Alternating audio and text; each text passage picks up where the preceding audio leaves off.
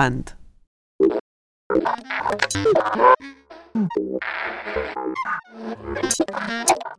Pelayo Fernández Arrizabalaga, primera parte.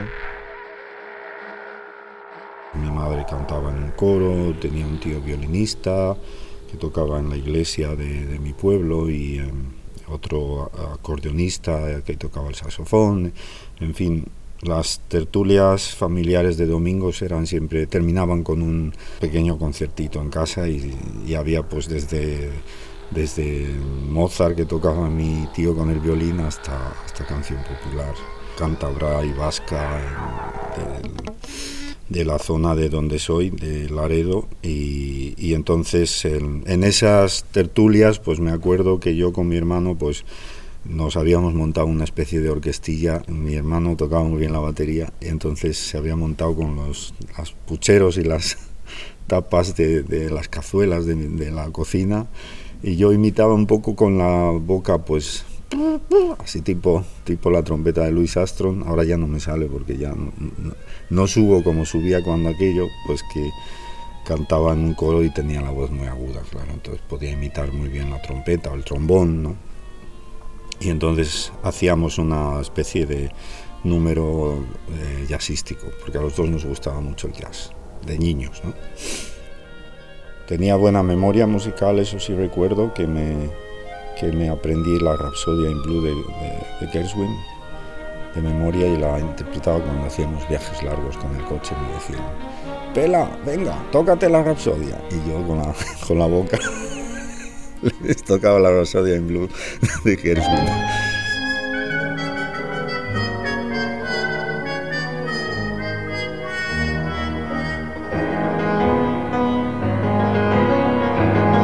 y después pues lo típico de un chaval rebotado de la música clásica porque tenías la típica maestra de pueblo de, música que te hacía aprender solfeo a lo bestia y al final lo dejé y toqué la guitarra de oído y hice mis primeros pinitos con el blues y después participé con grupos de rock, uno era Los Trastos. pero no unos trastos que luego fueron de la movida madrileña en los 80, sino unos mucho más primitivos. y ahí no, no, hacíamos más que lo, más tocar para, para, para las eh, discotecas esas de baile que había, que duraban desde por la tarde, de, la mitad de la tarde hasta las tantas de la noche y, y, en función a la calidad del grupo, pues te ponían antes o después. ¿no? Y nosotros siempre tocábamos de primero los segundos a las 6 de la tarde. A las 8, a las 9 tocaban los bravos. no se pinchaba todavía. O sea, había 7, 8 grupos y, y todos en vivo. Era increíble.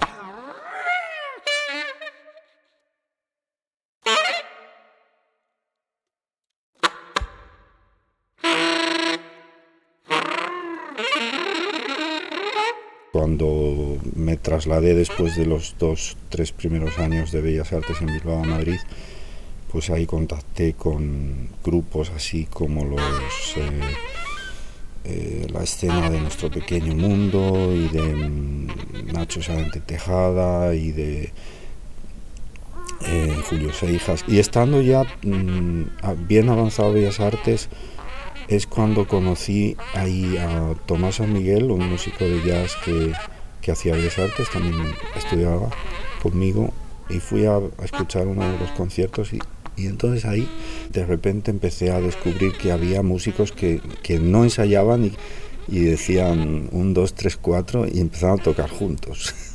Y digo, joder, esto es cojonudo. Eso me hizo eh, de repente interesarme por la, de nuevo por el solfeo pero ya desde un plano práctico, porque ya dije, ya dije, esto es como un lenguaje que hay que aprender. Es como si llegas a un nuevo país y tienes que aprender el idioma. Empecé, hasta que no tuve dinero para comprar un saxofón, pues estuve con la flauta travesera y después ya me compré un saxofón y ya...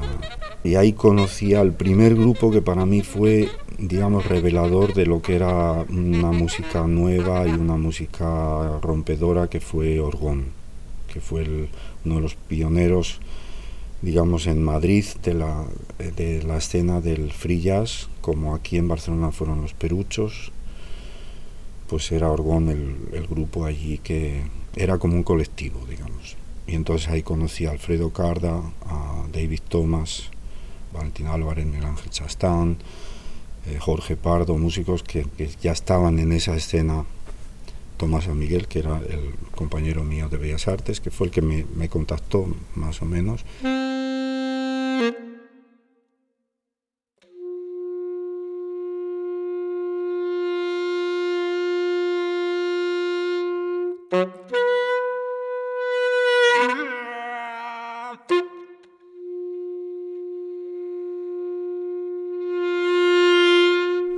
Fue para mí como una especie de, workshop, como una manera de, entrar en esa música y aprender. Tocaban pues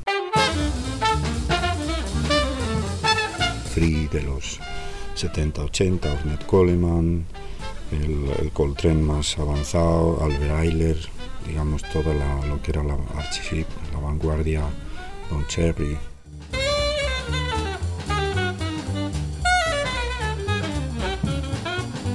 Demasiado viejo para también intentar hacer una carrera de instrumentista, ni me interesaba.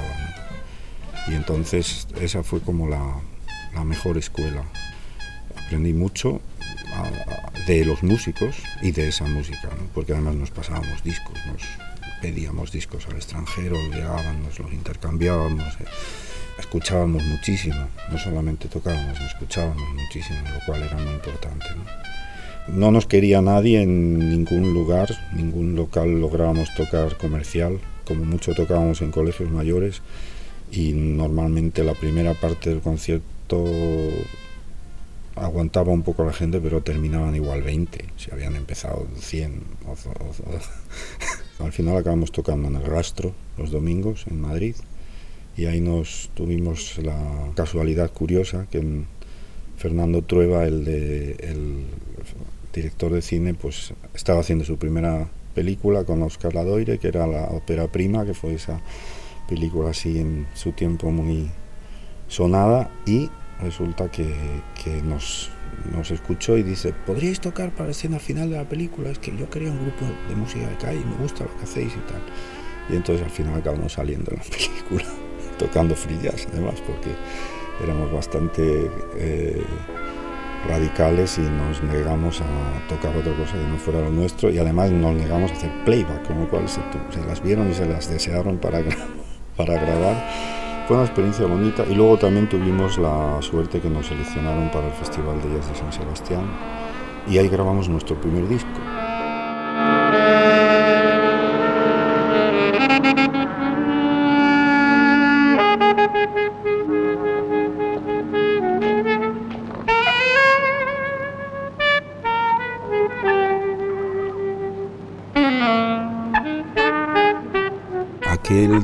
Era un Madrid un poco eh, demasiado clásico y muy dominado por la típica cultura oficialista. Entonces nosotros éramos underground total. ¿no? no te apoyan prácticamente nadie, tienes que ir a la calle, digamos, a tocar. Yo recuerdo en la cuando estábamos nosotros tocando en, el rastro estaba también los pegamoides con Alaska allí, ¿no? O sea, digamos que, que es todavía una época muy donde no hay nada y lo que sí se notó muchísimo es, es luego en, la, en, la, transición esa aparición de la movida digamos que luego se llamó movida no pero ¿por qué aparece la movida? pues porque realmente está apoyada de una forma un poco indirecta o también directa por un cambio político porque está Tierno Galván en el, en el eh, en la alcaldía de Madrid y evidentemente en la época del Tierno Galván hay muchos más conciertos, hay muchas más exposiciones y hay mucho más actividad cultural, ¿no? Hay un florecimiento también aquí en Barcelona, el CIEG, por ejemplo, estaba, estaba sacando muchísimas cosas que hubieran estado totalmente underground y las estaba apoyando pues una, una iniciativa pseudooficial, porque la Caixa, pero bueno, todas esas circunstancias hicieron como que que también para mí la música fuera cada vez más paralelamente a mi labor como, como eh, pintor, porque era lo que, lo que había estado sobre todo estudiando, la música fue tomando mucho eh, mucho protagonismo en, en mi actividad artística, digamos.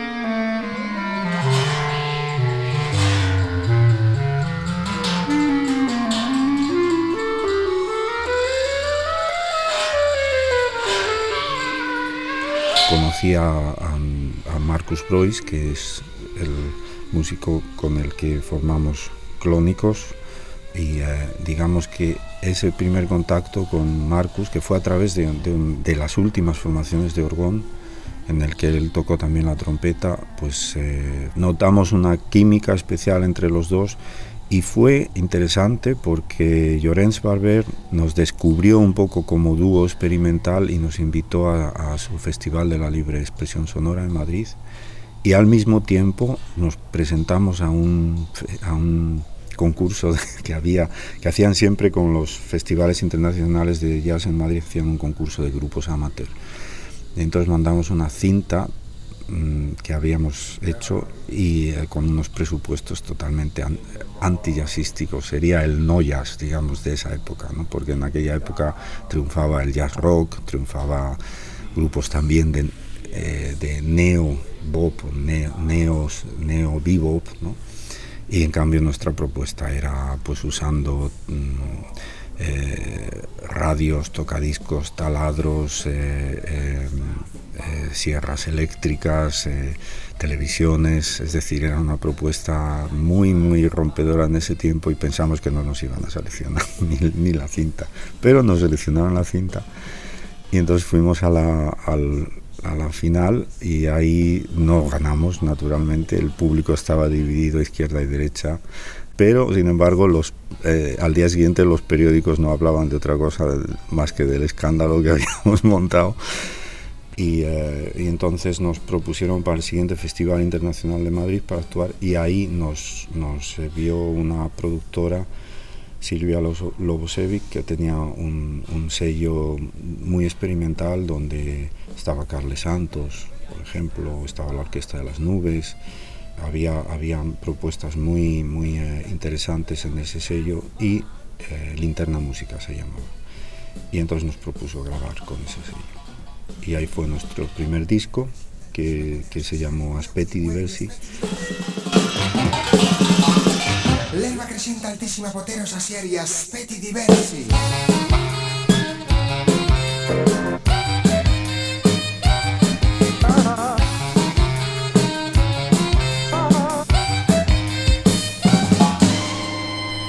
Mm, Marcus y yo nos encontramos, no queremos hacer el, el- jazz, también habíamos ya pasado la- ese momento del, del free jazz y eh, en, ese, en ese tiempo la electrónica nos interesaba mucho. Pero tampoco queremos romper totalmente, totalmente, porque por ejemplo uno de nuestros temas era era eh, eh, esto no es nada si no tiene swing del Duke Ellington, pero lo hacíamos con una versión totalmente libre, pero al mismo tiempo inco- incorporando la electrónica, incorporando lenguajes de, de- de rock, de, hasta de punk, y rompiendo muchas de las estructuras jazzísticas, por decir entre comillas.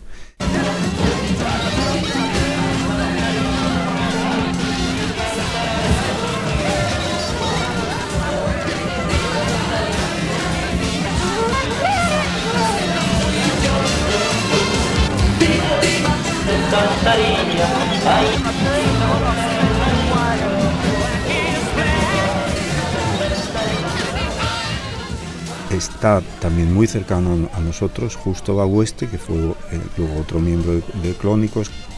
Ese, ese dúo trío, eh, cuando actuamos en el, en el Festival de la Libre Expresión Sonora, viene Víctor eh, Polanski, que acababa de llegar de Estados Unidos, que había dejado Polanski y el Ardor, el grupo que tenía él, y le interesa lo que hacemos, y dijo, quiero tocar con vosotros y Celes Albizu, que era en, ese tiempo el batería de los Coyotes, eh, también mmm, viene y formamos ya, digamos, el, grupo primero de Clónicos, era y, y pop rock casi punk.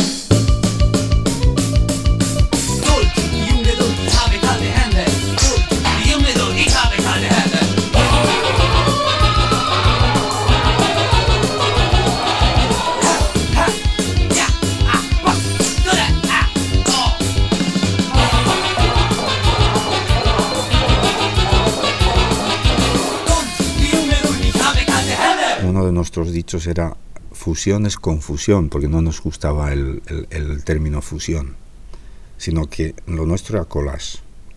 Ese era el concepto de Clónicos, más collage. Odiábamos el jazz rock porque era fusión y no queríamos hacer jazz rock, pero sí usábamos muchos lenguajes, pues desde influencias como Rick Rick Panic o Golden Palominos o John Thorne eran en ese tiempo muy claras en, nosotros. Provocación y al mismo tiempo collage y también mucho respeto a, tradiciones que, nosotros queríamos todavía tener, por ejemplo a Duke Ellington. Y era la idea de, de un grupo también abierto, por eso después Clónicos tiene muchas fases, porque eh, primero es esta formación cerrada, pero después ya se empiezan a, incorporar más músicos. El segundo álbum es, Figuras Españolas y somos casi 20 músicos de todas las escenas, donde también está Llorens Barber, donde también están eh, Ignorant, o está Víctor Nubla, o está Juan Craig. Y este, este disco Figuras Españolas pues lo editó Gasa, que era un sello pop. Curiosamente es un disco súper experimental editado por un sello de en Madrid. Lo único que, llegamos a, al poco más al público masivo, pero eso fue una como una ráfaga de, un relámpago que llega y se va, fue que metimos en el puesto número 24 de los 40 principales. Un tema del primer disco se llamaba In Out, y que era un, tema así como más, más popero, digamos, que hicimos con, con nuestros elementos y que, bueno, pero estuvo, estuvo un par de días y luego desapareció porque además era un tema en inglés, ¿no? Y, eh, y en este disco usamos pues italiano, inglés, eh, yugoslavo, francés, eh, castellano, usamos muchos distintos idiomas, ¿no? Por eso le dimos el título también a Speti Diversi. A medida que escuchas también free jazz, hay instrumentistas como Anthony Braston que, ves que improvisan también con electrónica y, que tienen un disco en dúo con un tío de sintetizadores, ¿no? entonces te interesas, claro. O sea, yo digamos que sí, sí en ese tiempo ya había, de hecho también tocaba el clarinete electrificado, es decir, con pastilla, etcétera. Habías escuchado los discos de Hancock también, el Sextant, son discos donde ya hay mucha electrónica, etcétera. Contacto ya había, pero para mí, digamos, el, gran revelador o descubridor y el con el que yo aprendí mucho más música electrónica fue Marcus, Marcus Brois, mi colega de Clónicos, digamos que él venía de Suiza a través de la India, en fin, y a mí me, me reveló Stockhausen, por ejemplo, ¿no? Y eh, me hizo empezar a soldar y hacer aparatitos, porque en Clónicos era muy típico que los conciertos eran muy performísticos, es decir, nos metíamos a la gente en una habitación y luego los llevábamos a otra habitación donde, estaba lleno de instrumentos hechos por nosotros, con radios viejas, etcétera, que, emitían loops, etcétera, etcétera, que, ruidos de timbres, teníamos pues cajetines con timbres de, distintos tipos de, casas que los usábamos como un teclado de instrumentos, en fin. En los conciertos de Clónico siempre había un, un elemento de performance, ¿no? O sea, introducir en, el escenario un tío con una moto que entraba por detrás del escenario y, empezaba a hacer un dúo con las, el claxon de la moto y al final me llevaba igual a mí con los instrumentos hacia afuera, en fin, Marcus con una batidora preparando un batido de chocolate entre un tema y otro, en fin, sierras eléctricas, taladros, muchos elementos de la cultura pop también que nos interesaba. Y ahí mm, empecé lo que luego ha sido y sigue siendo uno de mis nuevos instrumentos, digamos, el tocadiscos. ¿no?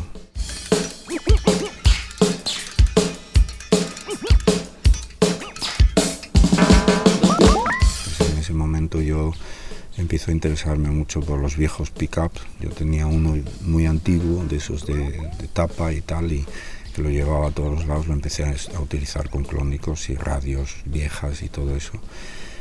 y eh, es mi primer contacto y también en ese tiempo también descubro a Christian Markley, que, que ha sido uno de mis inspiradores y, y entonces en Clónicos evidentemente yo toco clarinete bajo, saxo alto y tocadiscos.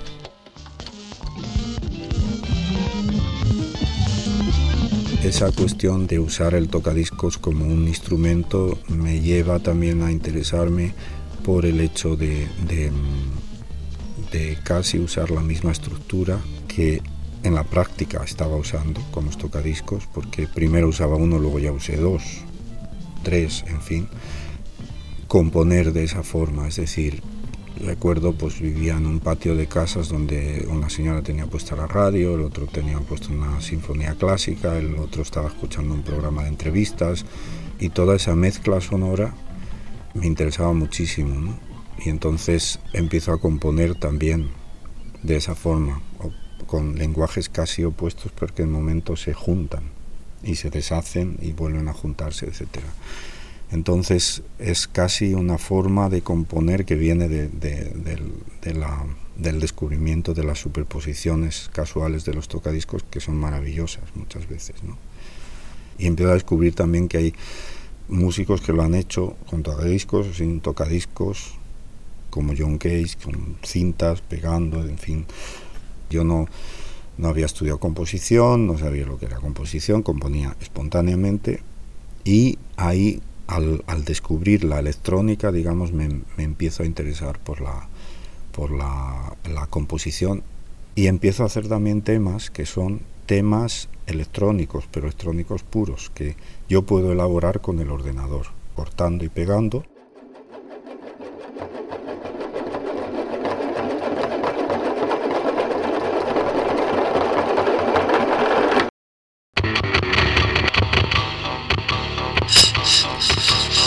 y ahí pues eh, es, coincide en el momento donde yo me traslado a Suiza.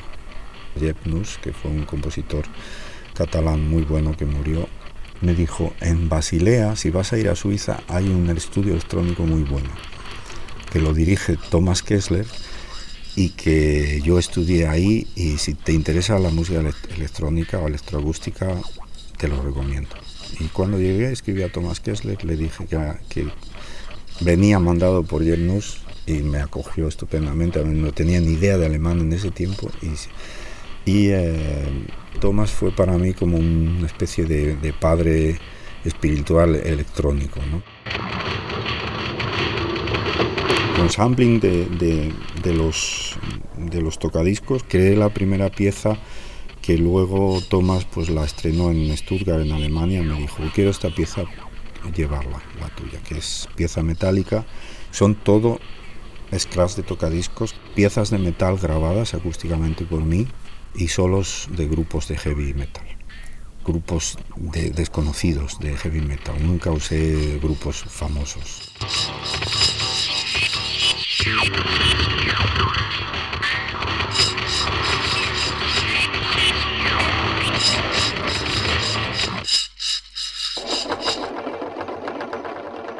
Estudio era un lugar donde tú podías hacer tus composiciones.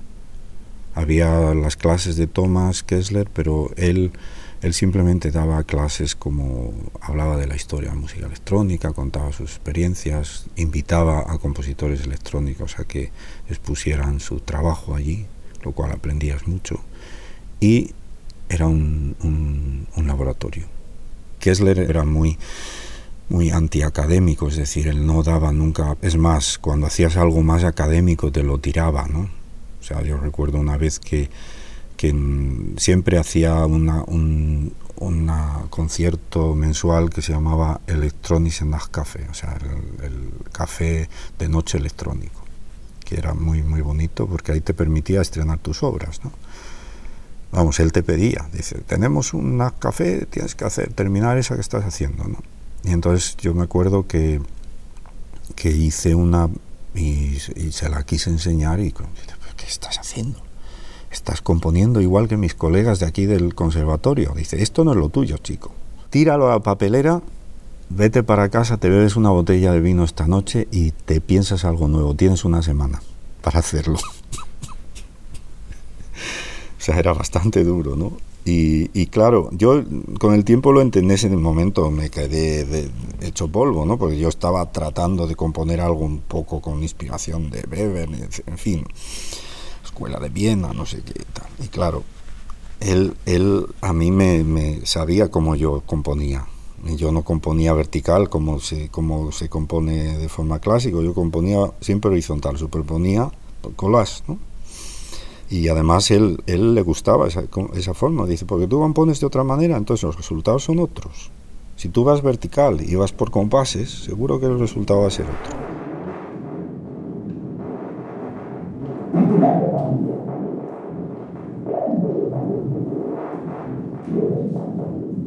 Yo pienso que para mí fue también una especie de, de taller de aprender por un lado la forma, por otro lado también el criterio de, de selección y por otro lado no me influenció negativamente en, en las propias formas que yo podía tener por mí mismo, espontáneamente.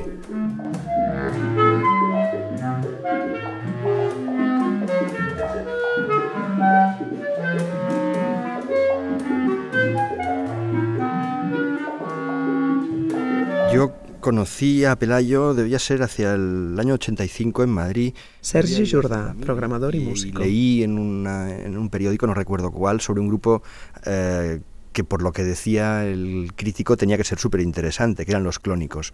Y a raíz de esta crítica eh, busqué a Marcus eh, Breus, le contacté, eh, nos hicimos amigos y ahí también de paso surgió la amistad con Pelayo, que era, el, digamos, el, el, otro lado, era en el yin y el yang del, de clónicos. Así que serían a, a mediados de los 80 en Madrid. En el 92 Pelayo va hacia Zúrich y yo regreso a Barcelona en los dos últimos años, es decir, del 90 al 92, con Pelayo grabamos eh, experimentos quizás no muy radicales desde el punto de vista sonoro, pero sí desde el punto de vista de planteamiento, porque yo creo que fueron de los primeros experimentos de, improvisación con ordenadores en lo que sería la escena de la música experimental española. Yo en aquel momento estaba colaborando con el, con el Laboratorio de Informática y Electrónica Musical del Reina Sofía, eh, desarrollando un programa de improvisación por ordenador y entonces hay varias grabaciones de Pelayo eh, con saxo y clarinete y yo al mando de un ordenador que lo que hacía era escucharle y tocar con él. Y bueno, esto de alguna forma fue el germen del, del F Trio.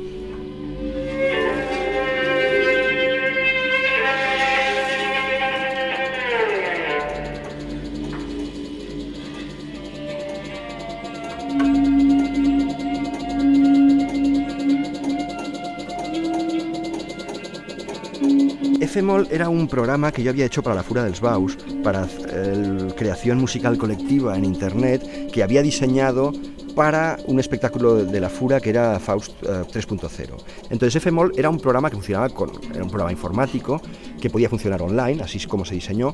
Eh, después nosotros en grupo no lo usábamos así, pero que se controlaba, digamos, con un ratón. En este sentido la interfaz yo la había hecho pensando en que lo podía, lo podía utilizar cualquiera y cualquiera con solo tener un ordenador normal y corriente. Digamos que era un programa eh, con una interfaz visual nada convencional, donde se, que se asemejaba un poco a una guitarra, porque tenía barras verticales que funcionaban a modo de cuerdas, pero donde había muchas líneas, eh, donde todo se movía y con el ratón había que irlas rascando. Y por otro lado estaba convencido de que la forma de que las personas aprecien aquello que todavía no aprecian es formando parte de ello. Así que hice un instrumento con tendencias ruidosas para que más gente apreciara la música que hay en el ruido. Y ya digo, que aunque se hizo para Internet y para Horas de la Fura, con el tiempo me di cuenta de que en realidad me gustaba mucho a mí, también. Y lo mismo sucedió con Cristina y así fue como empezamos a tocar en directo, Cristina y yo. Y aunque la idea parecía interesante, vi que realmente hacía falta eh, una energía externa y, ajena a, los ordenadores. Y fue en este momento cuando mm, se me ocurrió claramente Pelayo, que, que es que ha sido siempre como una referencia y entonces le propuse esto a Pelayo y formamos el trío con la excusa de un concierto en la Semana Experimental de Música de Metrónom.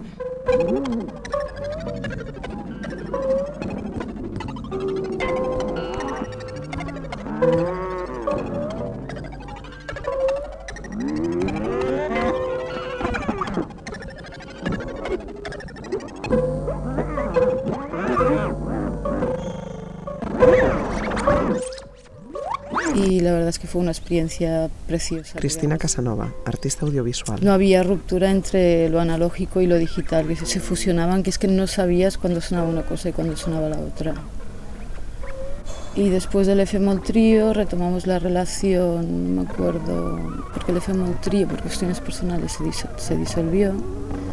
Y Eugenie Bonet vino a verme para encargarnos la banda sonora de, de su primer largometraje. Y después de ahí, a partir de ahí ya seguimos colaborando Pelayo y yo. Y hemos hecho bastantes cosas juntos. Empezamos haciendo música y ahora hacemos obras escénicas. Y trabajar con un escenario durante una hora es algo fascinante y Pelayo se apunta a un bombardeo.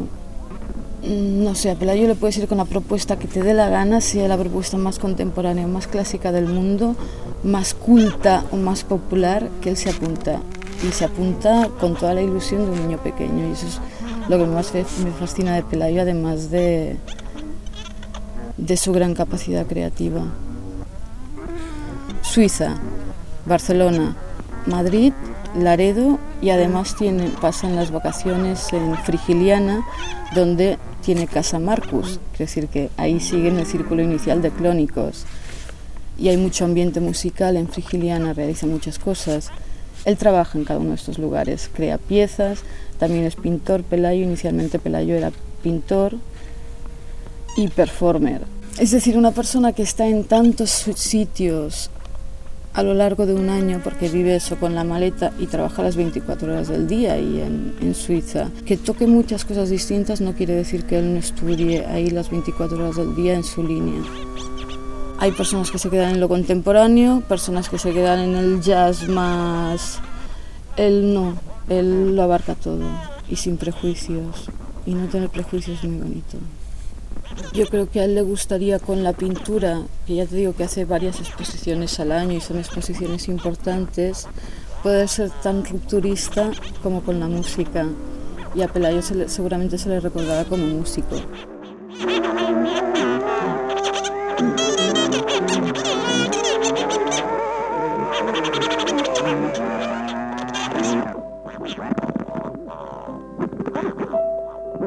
Después de un, primer tiempo eh, donde yo termino Bellas Artes y quizás por ese machaque clásico que existía en aquella época, ahora menos, ¿no? por fortuna, pero que existía en aquella época en las escuelas tradicionales de arte, me hace casi abandonar la pintura y, y eh, meterme casi de lleno en la música. Eh, en esos primeros años, quizás por eso es tan fuerte la actividad musical, porque eh, acabo tan rebotado de bellas artes que casi ni pinto.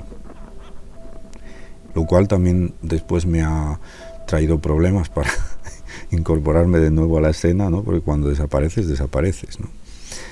El caso es que dejo de pintar y eh, después de un tiempo, mm, ya más hacia el 80, empiezo a, retomar la pintura. También desde el plano de me, interesa ya mucho más el tema de los colores en la música, ¿no? Eso es algo que, que me, me, había gustado siempre, esa relación, y, y, yo empiezo a retomar la pintura por ahí con más fuerza, y de hecho mm, eso me hace aproximarme y incorporar los dos lenguajes. Entonces ahí yo empiezo a pintar esos cuadros grandes en vivo con Macromasa tocando y yo, yo en el centro reaccionando a, esas, eh, a esas músicas y eh, a partir de ahí digamos que, que, empiezo a componer también mis composiciones en Basilea también usaba muchos colores.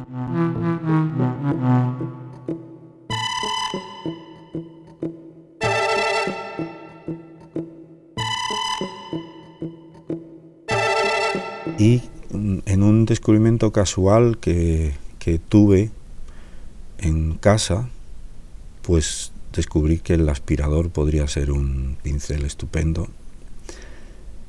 Eh, trabajaba mucho con carbón en esa época, carbón polvo, y entonces me di cuenta que podía absorber el carbón y podía dibujar absorbiendo, o sea, lo que es el grabado tradicional, pero en una superficie muy grande, pintada de negro.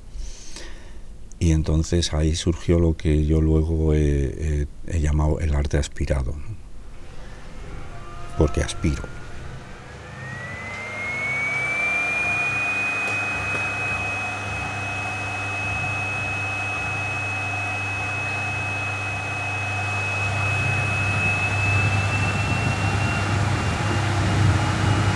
Y entonces el- ese performance, digamos, lo empecé eh, en una feria de arte allí en Suiza.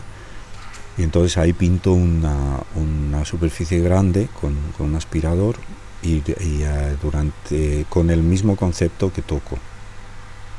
Uso a veces los tocadiscos, otras veces uso solo el aspirador y meto micrófonos en el, micrófonos en el cuadro de, de forma cuando rasco o absorbo se escucha. Lo hago muy rápido durante media hora, máximo como máximo 40 minutos para que el público mm, lo tome como un concierto. Es decir, no, no me explayo en una línea, sino que voy a toda leche y, ese- esa velocidad me hace también perder un poco la, esa, mm, esa, eh, esa sensación de estar en un lugar y, y si no meterte casi en trance en ese, en ese cuadro y no me separo nunca mucho del cuadro para estar como metido. Voy a tumba abierta. Y al final oferto el cuadro a la gente y digo, tenéis cinco minutos para, para visualizarlo, fotografiarlo o retenerlo en la memoria. Cuesta, pongo una cifra normalmente muy alta y, y si nadie lo compra, lo, lo borro. Y al final desaparece.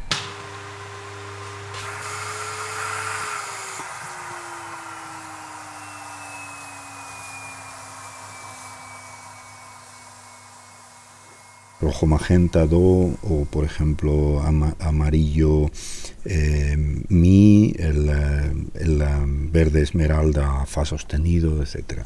Con este código de color pues hago partituras las partituras gráficas me interesa mucho. Intento componer siempre también con ese concepto gráfico o espacial gráfico por decir de alguna forma uso colores, ¿no? Por ejemplo, si dirijo, ahora hago también trabajos con, con niños o con jóvenes, ¿no? Si dirijo, pues dirijo con colores. Y entonces esos colores dan también determinadas libertades y determinadas como, eh, emociones, ¿no? Entonces me, me interesa, digamos, desde el plano compositivo mm, mm, usar el color y desde el plano mm, eh, compositivo musical, desde el plano compositivo pictórico, me interesa mucho también la musicalidad de los colores.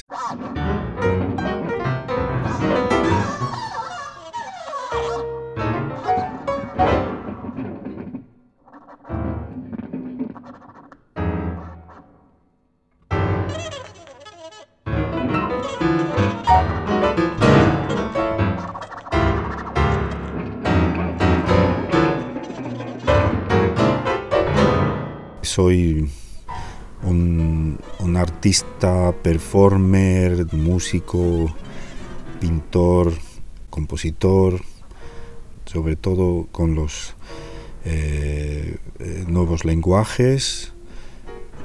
Al mismo tiempo me interesa también la tradición y eh, intento encontrar algo nuevo que me, que me, ah, me toque las tripas. Y me llamo Pelayo Fernández Arrizabalaga.